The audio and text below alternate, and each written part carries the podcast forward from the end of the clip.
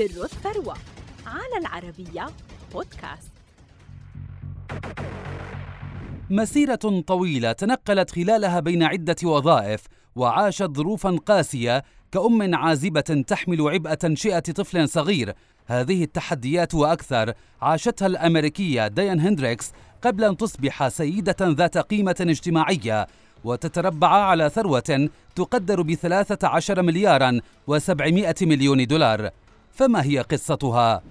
ولدت ديان هندريكس عام 1947 في مزرعة ألبان بريف ولاية ويسكونسن حيث كانت هذه المزرعة مصدر دخل العائلة كانت ديان واحدة من ثمان بنات في بيئة متعصبة إزاء عمل المرأة خارج المنزل فكانت أحلامها لا تتجاوز أن تذهب يوما من الأيام للعمل في المدينة وترتدي زيا عصريا أثناء دراستها بالمرحلة الثانوية التقت ديان بوالد طفلها الأول وتزوجته وهي لا تزال في السابعة عشرة فقط ما جعلها تعيش إحدى أصعب تجارب حياتها حيث حملت بطفلها الأول فدرست سنتها الأخيرة في المنزل.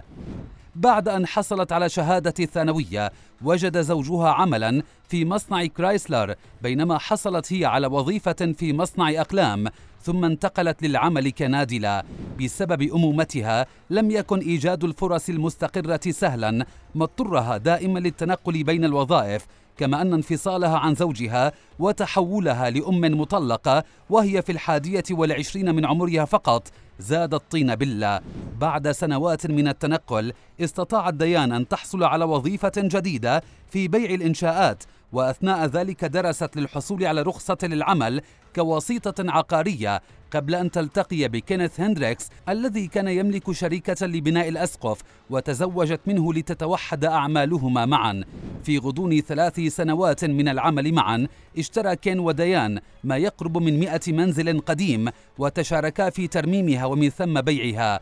ثم في عام 1982 توحدت جهود كين وديان في شركة لبيع مواد البناء هي شركة ABC التي تديرها اليوم وبدأ في شراء متاجر لبيع منتجاتها كما وسعا نطاق عملهما بعد أن حصلا على تمويل بنكي افتتح الزوجان 33 متجرا في غضون ثلاث سنوات وبحلول عام 1986 توسعت الشركة إلى 50 متجرا وحققت مبيعات بقيمة 183 مليون دولار.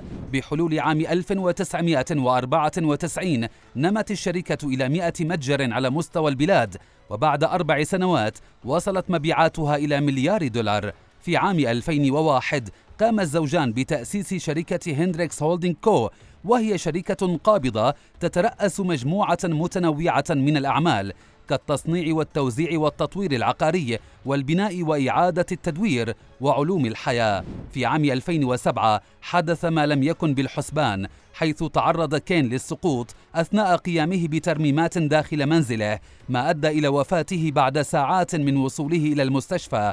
فاضطرت ديان إلى تحمل ثقل مشروع بمليارات الدولارات وواجهت أزمات عدة حيث تراجعت المبيعات بنسبة 10% بين عامي 2006 و2009 كما أغلقت الشركة 30 متجرا ليبقى لديها 350 متجرا. أعادت هندريكس ترتيب أوراق الشركة واستطاعت أن تضمد الجراح وأعادت العمل إلى المسار الصحيح عندما اتبعت سياسة الاستحواذ على أصول 18 شركة أخرى وفرضت هيمنتها على السوق كما تمكنت من امتلاك أكثر من 48 موقعا. وأثناء تلك الفترة أيضا استطاعت ديان اقتحام سوق الإنتاج الفني فوجدت طريقها إلى هوليوود حيث أنتجت عدة أفلام سينمائية مثل سورايا إم وذا بروفيسور وبندورا.